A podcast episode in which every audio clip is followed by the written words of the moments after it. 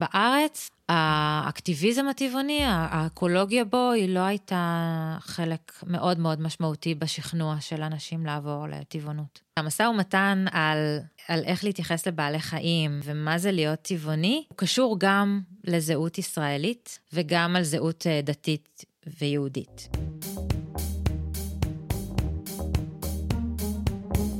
המצב הפוסט-אנושי פודקאסט על טכנולוגיה, תרבות ורוח, עם דוקטור כרמל וייסמן.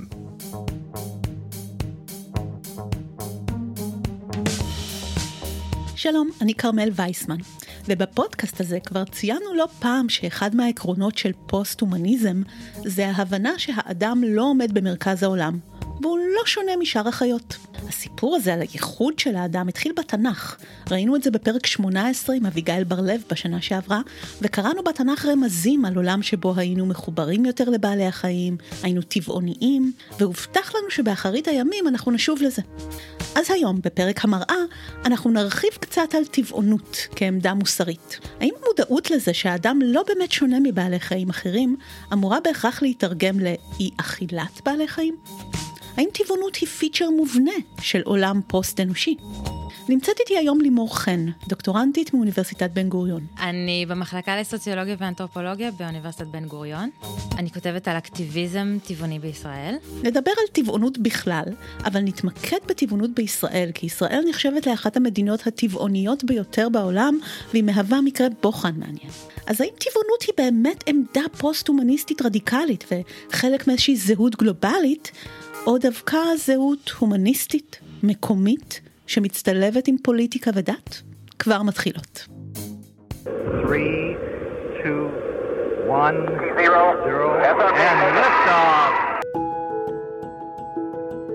ב-2011 הייתי בפוסט-דוקטורט בארצות הברית, אבל נחשפתי דרך הפייסבוק לטרנד הוויראלי של התקופה. קישור לוידאו ביוטיוב, שצפו בו למעלה ממיליון ישראלים, תחת הכותרת ההרצאה הכי חשובה שתשמעו אי פעם.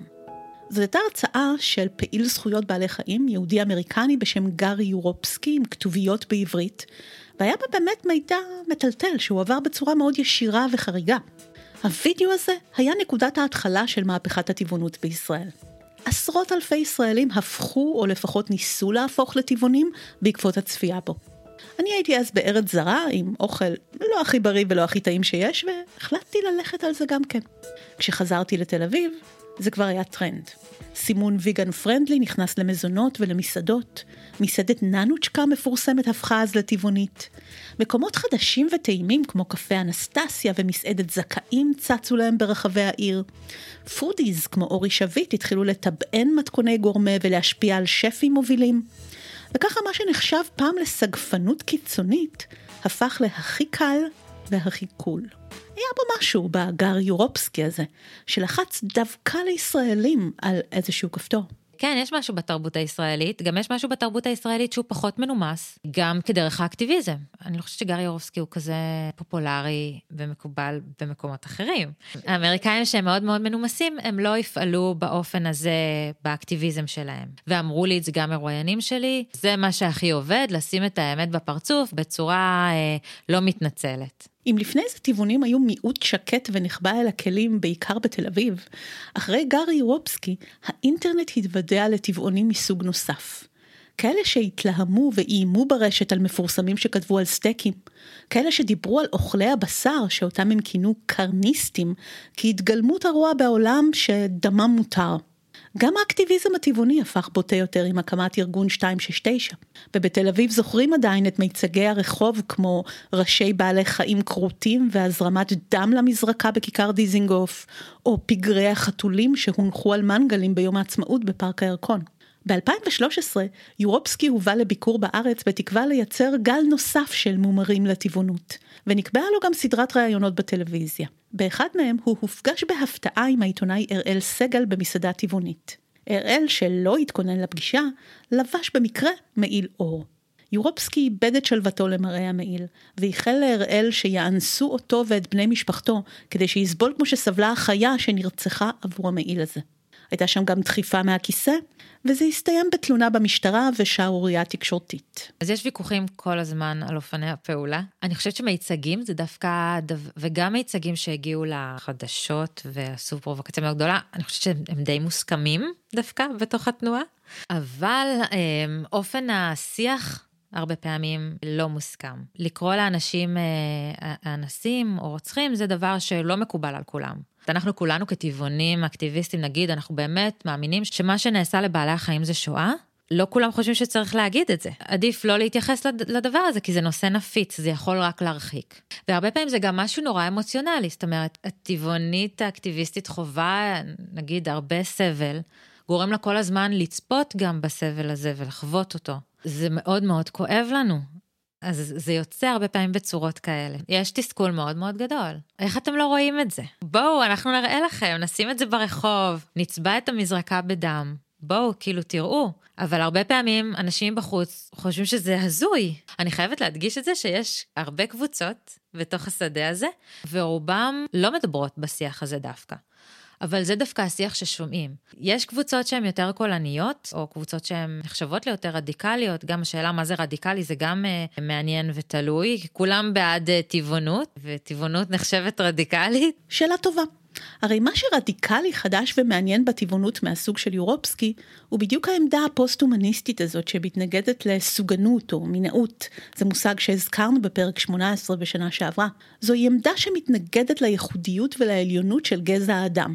והיא מניחה שוויון מוחלט בין חיית האדם לבין חיות אחרות. מבחינת יורופסקי וחבריו, לכלוא ולהתעלל באדם זה בבחינת עונש של עין תחת עין על מעשה דומה שנעשה לחיה, כי כל סוגי החיות שוות ערך. אבל אנחנו עדיין חיים בעולם הומניסטי, שבו עצם ההעזה לאנלוגיה שוויונית נתפסת כהגזמה פרועה, היא מעוררת חלחלה, והיא מה שהפכה את יורופסקי לקיצוני הזוי בעיני הציבור. גם רוב הציבור הטבעוני אגב לא ממש הסכים עם זה. בקרב הטבעונים הדתיים למשל, לא כולם רואים את אותם כשווים.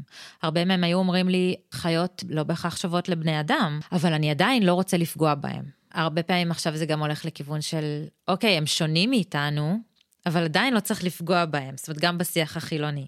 האדם הוא מעל, אבל אם הוא מעל, אז הוא שישתמש בזה לטובה, שלא יפגע בבעלי חיים, שישתמש בעליונות שלו לטובה. אז העמדה השוויונית, הפוסט-סוגנית, פוסט-הומניסטית הזאת, היא בעצם מה שרדיקלי בטבעונות.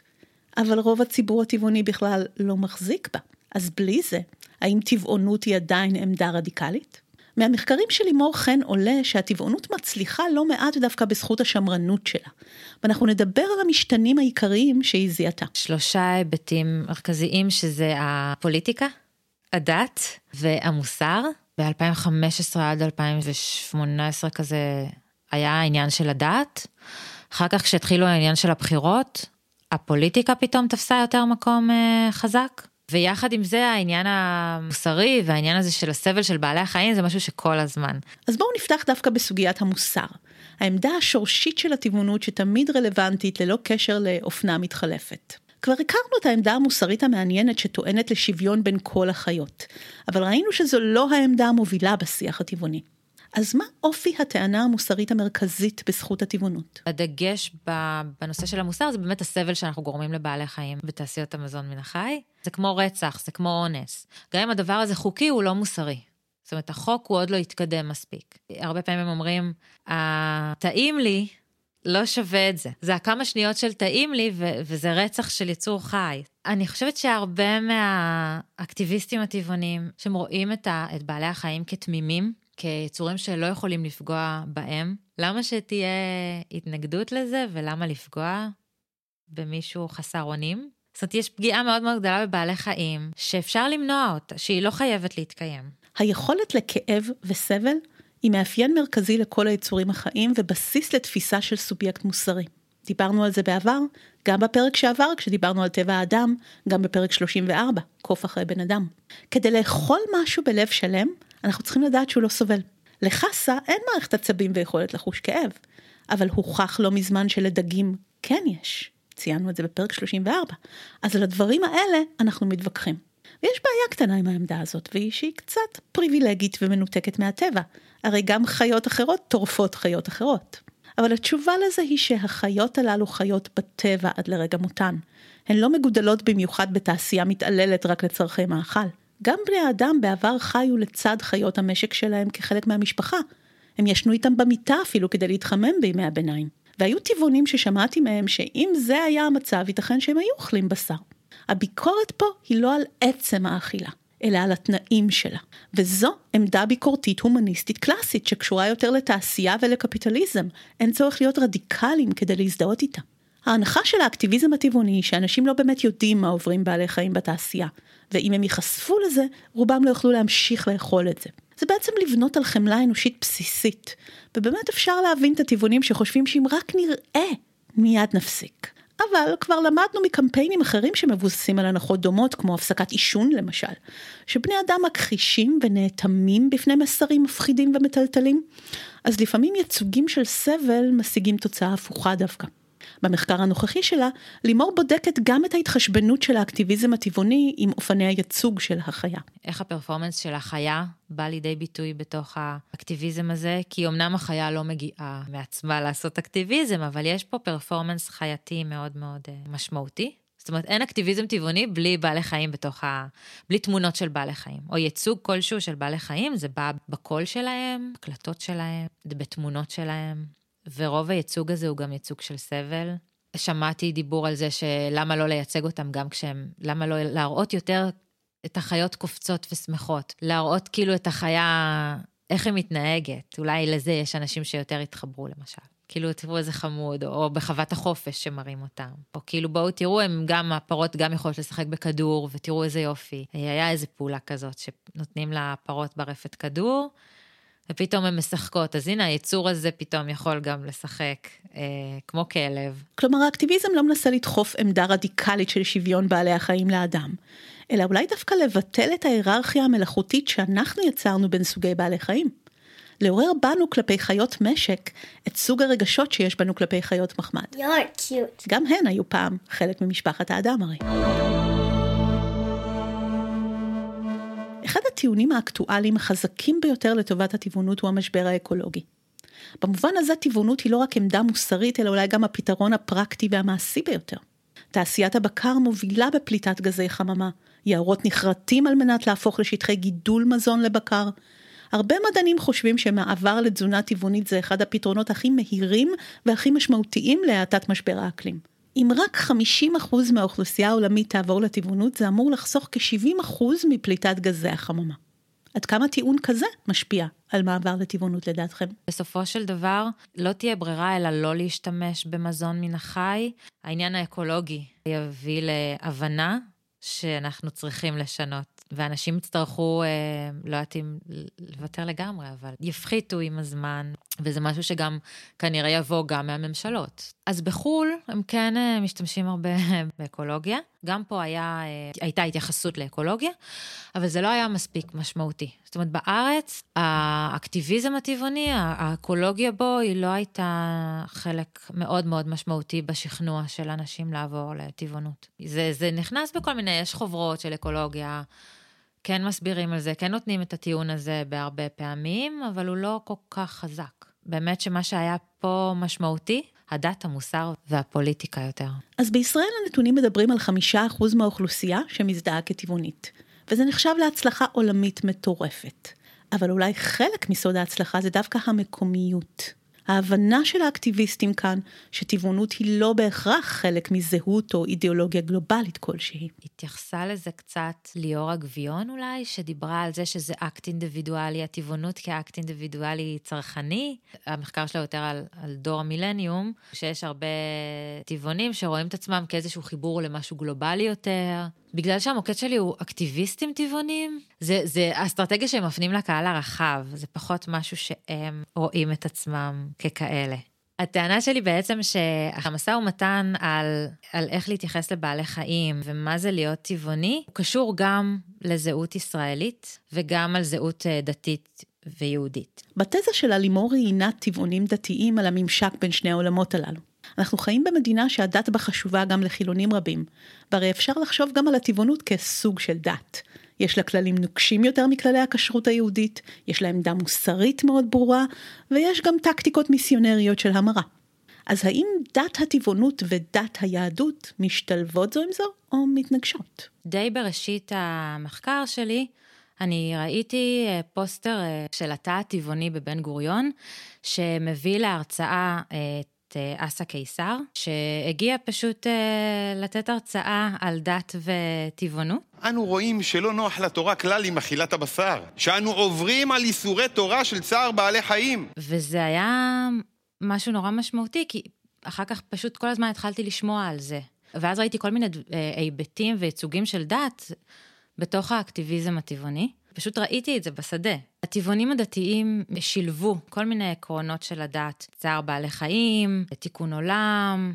אז מבחינת הטבעונים הדתיים שראיינתי, באמת להיות uh, מוסרי זה להיות גם טבעוני, אבל הרבה פעמים להיות uh, טבעוני דתי, זה הרבה פעמים גם חותר תחת כל מיני עקרונות דתיים. אראל סגל אמר אחרי התקרית עם יורופסקי, אני מאמין בחזון הצמחונות והשלום של הרב קוק. הלוואי שכולנו נהיה צמחונים וטבעוניים יום אחד. יום אחד, הוא חזר על זה. וזה הדגש פה. עבור דתיים רבים זה חזון אוטופי לימות המשיח, שממש לא רלוונטי כרגע. העניין הזה שצריך שיהיה עוף בשבת, או לאכול ראש של דג בראש השנה, זה באמת חובה דתית או רק מסורת? לא, אין מצווה לאכול בשר בשבת או ביום טוב. תודה לאסא קיסר על הרשות להשתמש בקול שלו מהסרטונים שלו. ובכל זאת, יש ביהדות גם טעם רוחני לאכילת בשר. על פי הקבלה, אכילת בשר מטמיעה בנו את האיכות של אותה חיה, ומסייעת גם לנו וגם לאותה חיה להיות מותמרים לרמת התודעה הבאה שלנו. בספר הזוהר עושים עניין מזה שנשמות צדיקים מתגלגלות בדגים, כי עיניהם פקוחה כל העת וזה סמן למודעות גבוהה.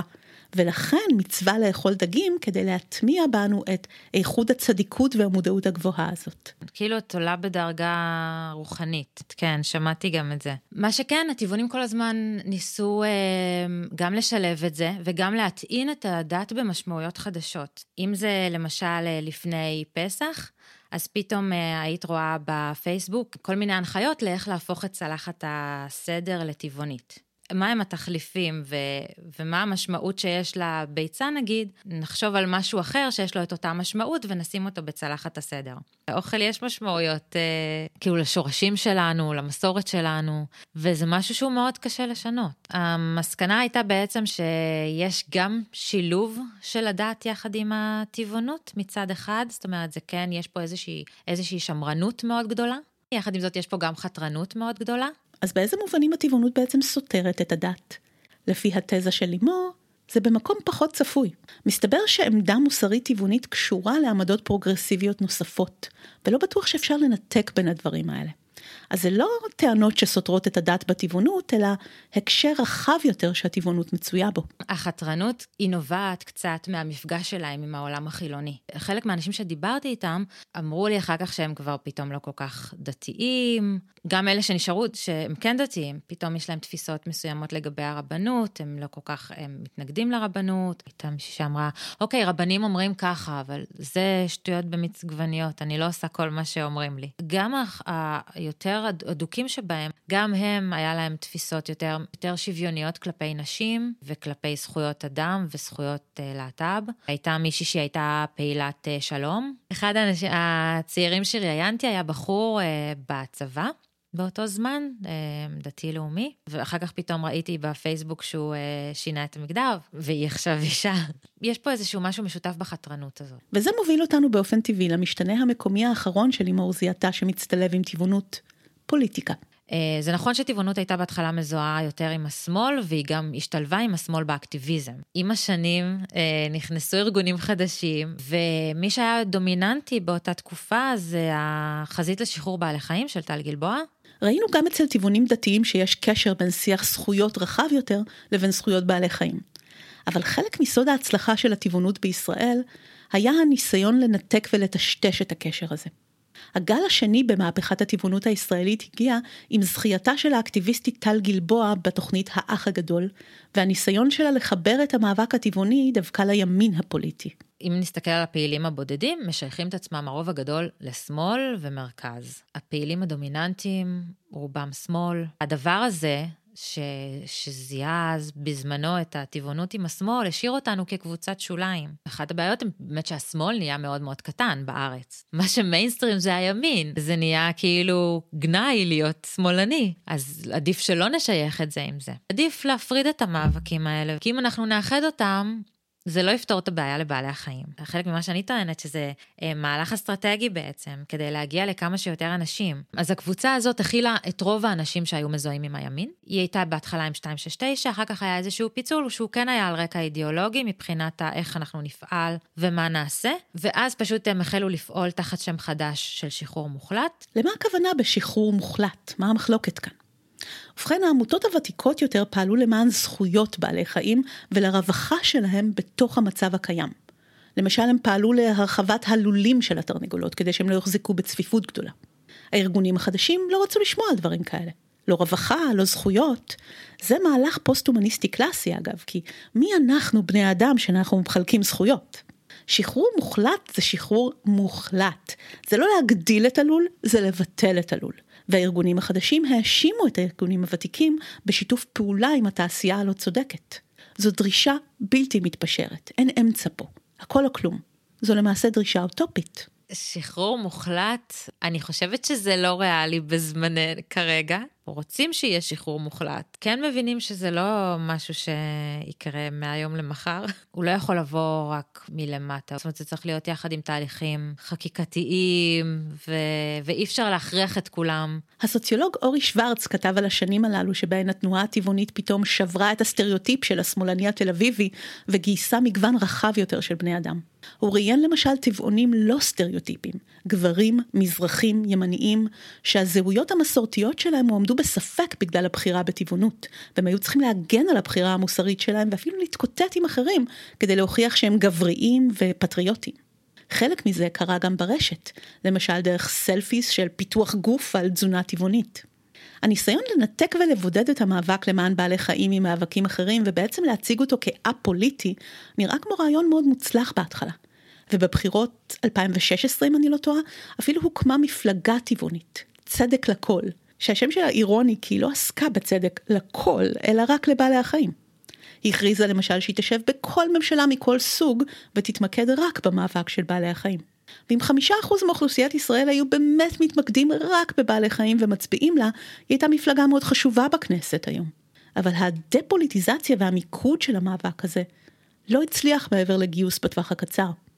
במציאות מורכבת כולנו יודעים שהדברים כן קשורים אלה באלה. וכשאנשים הולכים לקלפי, הם חושבים בצורה רחבה יותר, הם מצליבים בין היבטים של הזהות שלהם. בסופו של יום, רוב הפעילים גם שדיברתי איתם, אמנם הם מציגים את העמדה הזאת כשהם עושים אקטיביזם למען זכויות בעלי חיים, הם לא, לא מחברים במאבקים. אבל בסופו של יום, כשהם הולכים לקלפי לבחור, הם כן יבחרו את הדבר שמייצג אותם ולא רק את בעלי החיים. אני מדברת עכשיו בשם המרואיינים. יש עוד דברים שחשובים לי, ואני לא אבחר רק לפי בעלי החיים, אלא אני אבחר גם לפי זכויות נשים, כאילו לפי זכויות אדם באופן כללי, או כל אידיאולוגיה אחרת, כן? הזהויות האלה גם אי אפשר להפריד ביניהם. יותר מזה, לנתק בין מאבקים שכרוכים זה בזה, זה עשוי לייצר עיוות מוסרי משלו. האנתרופולוגית אריקה וייס כתבה על טבעונות הימין כמהלך של ניתוק הקשר בין זכויות אדם לזכויות בעלי חיים. בעלי חיים נתפסים כתמימים וראויים להגנה, לעומת אוכלוסיות מסוימות של בני אדם שעשויות לעבור דמוניזציה. וככה נוצרת היררכיה חדשה, רדיקלית עוד יותר מההצעה שבני אדם שווים לכל החיות האחרות. וזאת ההצעה שחיות שוות יותר מבני אדם מסוימים. תפיסה לא חדשה אם חושבים על היחס שהיה לנאצים לבעלי החיים שלהם, בלי להשוות חלילה. אבל מהניסיון שלה בשטח לימור לא באמת חושבת שטבעונות ימנית שכזאת הפכה לדומיננטית מדי בשדה האקטיביסטי. אני חושבת שבסופו של דבר זה גרם להרבה אנשים לעזוב. ראש התנועה הזאת של הקבוצה הספציפית הזאת חברה לביבי, אה, זה גרם להרבה פעילים שלא האמינו בזה פשוט לעזוב. ושחרור מוחלט בעצם הפכו לקבוצה, אני, אני כמעט ולא רואה פעילות, זאת אומרת הפעילות מאוד קטנה. ובכל זאת, המאבק הטבעוני בישראל הוא הצלחה גדולה. ולדעתי הסוד שלו הוא שבמדינה של סכסוכים מורכבים ומתמשכים ומייאשים, מדובר במשהו שאפשרי. שאני באמת יכולה לראות שם תוצאות, שאני באמת יכולה להשפיע בו. זה סוג של תקווה לצעירים וצעירות שאפשר לשנות משהו בעולם באמצעות מהלך פוליטי. וזה משהו שהרבה פעילים אומרים אותו. זה משהו שאפשרי למנוע. אני עכשיו לא יכול אולי לגרום לשלום במזרח התיכון, אבל אני יכול אה, לא לאכול בעלי חיים. יש פה איזשהו משהו שבר ביצוע. אבל אולי סוד ההצלחה האמיתית של הטבעונות לא הייתה בשדה הפוליטי בכלל, כמו בשוק החופשי. אי אפשר להתעלם מהכוח הצרכני שעמותת ויגן פרנדלי למשל השכילה לתעל לשינוי ההיצע בשוק המזון. את צודקת, זה באמת אחד הדברים המרכזיים, אבל זו גם יכולה להיות ביקורת, כי אז זה הופך את זה למשהו אליטיסטי כזה אולי. אני חושבת באמת שוויגן פרנדלי ואני עשו עבודה מטורפת. למשל, אה, אתגר 22 יהיה בעוד מדינות. ויגן פרנדלי גם מרחיבים את הפעילות שלהם מעבר לים. זאת אומרת, הרבה אנשים מסתכלים עלינו ורוצים ללמוד מאיתנו. אה, ראש העיר של אה, ניו יורק הוא עכשיו מקדם טבעונות. אז דיברתי עם מישהי שהייתי בניו יורק, פגשתי מישהי שם שעובדת איתו, והיא גם מאוד מאוד התלהבה מהפעילות שלנו בישראל, שזה היה ממש מפתיע, והיא הכירה את כל הפרויקטים, והיא חושבת שזה אסטרטגיות מעולות וחכמות, והם רוצים נורא ללמוד מאיתנו. לפני עשור, כשהתחלתי להתעניין בפוסט-הומניזם וגם הייתי טבעונית, התעניינתי מאוד בטבעונות כבחירה פוליטית אישית פוסט-הומניסטית. ואפילו עשיתי מחקר לקראת כנס בנושא הזה, על הממשק שבין טבעונות לבין בחירה פוליטית אחרת, על הורות. הבחירה לא לעשות ילדים, שגם אותה ראיתי כמאפיין פוסט-הומניסטי.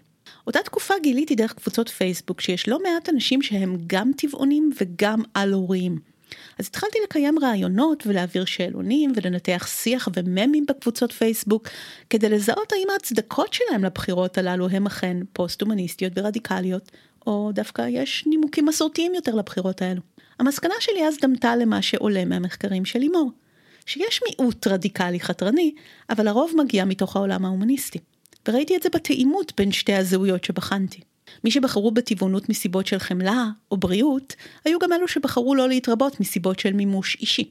מי שבחרו בטבעונות בשל ביקורת על תעשיית המזון, היו גם אלו שבחרו לא להתרבות מסיבות הומניסטיות ביקורתיות מוכרות אחרות.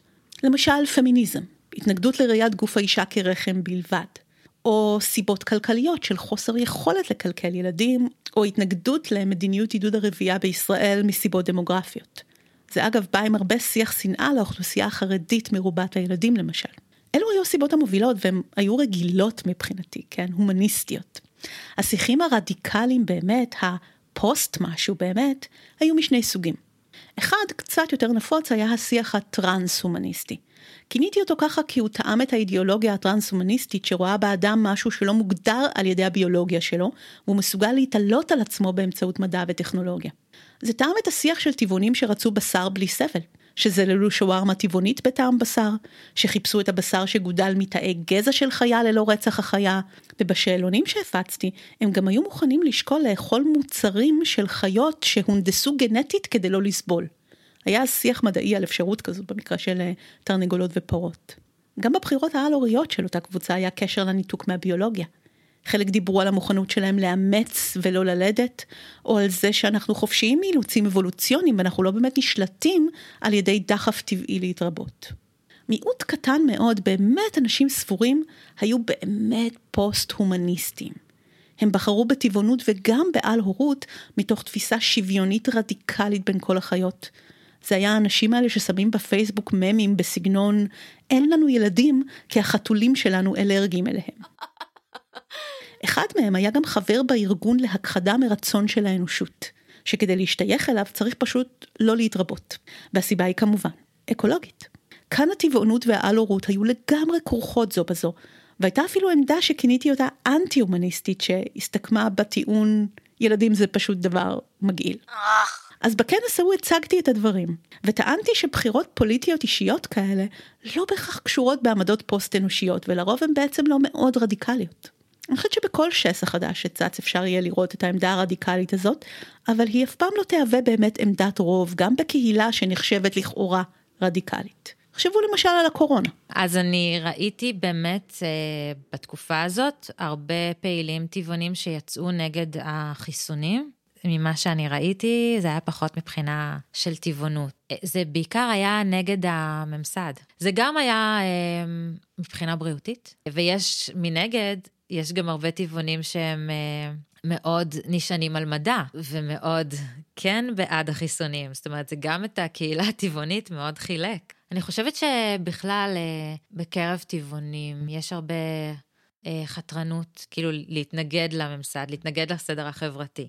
וכנראה שזה הולך ביחד. בפרק 21, כשדיברנו על קונספיריטואליות, ראינו שעמדות רדיקליות מקהילות שונות מתאחדות תחת המאפיין הזה של חשדנות כלפי הממסד, וחלק מהקהילה הטבעונית כנראה לא שונה בזה. אבל כאמור, נראה שהרוב הטבעוני הוא די שמרני, מוסרית ופוליטית. ואנחנו נטען כאן טענה נוספת, שהוא גם ממש לא קיצוני. טבעונות קיצונית, טהורה ומלאה, היא בכלל לא עמדה אפשרית בעולם שאנחנו חיים בו. זאת שאיפה, זה כיוון. קשה לי כשמדברים על טבעונים כעל מקשה אחת, ועל טבעונות כעל איזה משהו אחד, כי כן, יש פה רצף, יש כמה קבוצות בשדה הזה, ולכל אחת יש איזושהי דרך משלה. אמנם כולם לא יאכלו מזון מן החי, אבל הנה, יש את הנקודות האלה שפתאום אה, זה, זה הגבול שלי, נגיד אולי, אולי על דבש אני לא כל כך, אה, אז אני אוכל דבש, או אני חושבת, נגיד בגלולות אני חייבת להשתמש, או תרופות אני כן אשתמש. זאת אומרת, זה הרבה טבעונים, יש איזושהי הסכמה לזה. זה גם משהו שהטבעונים מנסים לשדר, שאין דבר כזה טהרנות. אני לא יודעת אם הם מצליחים לשדר את זה, כי אני חושבת שהקהל מבחוץ כן חושב שהם טהרנים. אבל בשיח שאני שומעת, הם כל הזמן אומרים, אנחנו לא, רוצ... אנחנו לא מדברים על טהרנות, כי אי אפשר. כאילו, אין, יש דברים שאין ברירה. אבל איפה שאנחנו יכולים ויש ברירה, ובכלל ההגדרה של טבעונות, אם מסתכלים על ההגדרה של האגודה The Vegan Society, אז הם אומרים, אה, טבעונות זה as long as it's uh, practicable, כאילו כל עוד אתה יכול באמת ליישם את זה, אה, ואתה יכול לבצע את זה. וכל אחד יש לו את הגבולות שלו. יש מישהי שדיברתי איתה, שהיא הייתה נראית לי הכי טבעונית שיש, זאת אומרת, ואז היא אמרה לי, אוקיי, הדבר היחיד שאני משתמשת בו זה הדאודורנט שלי. שהוא לא טבעוני. ו- ואני הייתי בשוק מזה, כאילו אמרתי, דווקא זה. כאילו, ואז אמרתי, אוקיי, גם לה יש, כאילו, זה לא יכול להיות טהור לגמרי. זאת אומרת, כל אחד יש לו את הגבול שלו.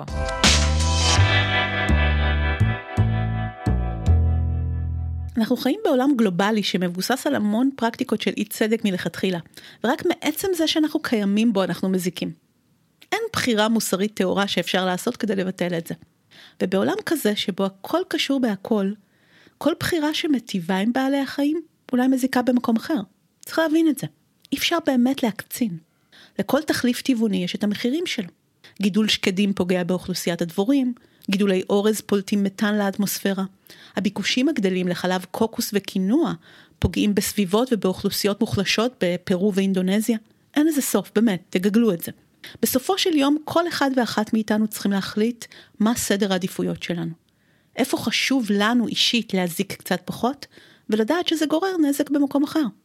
אין משמעות בהכרח לשיח של מוסריות, ולכן אין באמת מקום לקיצונות. קיצונות בעולם כזה היא עמדה מגוחכת, היא ראייה צרה של המציאות שלא באמת מודעת לעצמה. מצד שני, ההיסטוריה הראתה לנו שתפיסת עולם שולית עשויה להיות המיינסטרים של העתיד. ולכן ראיית העולם הפוסט-הומניסטית הזאת שקוראת לשוויון מוסרי בין בני אדם לבעלי חיים, ונתפסת היום כקיצונית והזויה, עשויה בהחלט להיות העמדה הנורמטיבית של עתיד מודע יותר. באקטיביזם הטבעוני אפשר למצוא את המיעוט הזה שכואבים לו היום דברים שאולי גורמים לאחרים להרים גבה. מכל המכאובים והרעות החולות של העולם, דווקא בעלי חיים. אני זוכרת שהלכתי פעם באיזושהי, אה, אה, היה מיצג, ומישהי עברה ואמרה, מה זה, כאילו, למה אתם מפגינים על זה? מה עם האימהות השכולות? היא באה ונתנה את, ה, את הדבר שהכי בוער בה. אני חושבת שלכל אחד יש את הנושא שקרוב לליבו. ומהמקום הזה הם לפעמים יוצאים עליכם ומתפרצים לצלחות שלכם, מהתסכול הזה של מי שיודעים שהם מקדימים את זמנם. הם פשוט עוד לא מבינים איך אתם עוד לא רואים את זה. ורוב הזמן, כמו שמראה לימור, הם פשוט מנסים למצוא את עמדות המיינסטרים שאתם כן רואים וכן מכירים בהן, ולחבור אליהן. ואולי ככה בדיוק תפיסה רדיקלית הופכת בהדרגה לנורמה החדשה. אבל אני לא יודעת עד כמה אני תופסת טבעונות כפוסט-הומניסטית בכלל, כאמור. היכולת למנוע מעצמך מזון מסיבות מוסריות היא פריבילגיה אנושית ייחודית, שאין לבני אדם שחיים בעוני ואין לחיות בטבע. ומהבחינה הזאת להיות טבעוני יכול להיות שזה הדבר הכי אנושי והכי ייחודי לאדם הזה של הנאורות שיש. אז עד כאן להפעם. אל תשכחו לתת לנו חמישה כוכבים באפל פודקאסט וספוטיפיי אם עוד לא עשיתם את זה, ונשתמע בפרק הבא בנושא אחר לגמרי.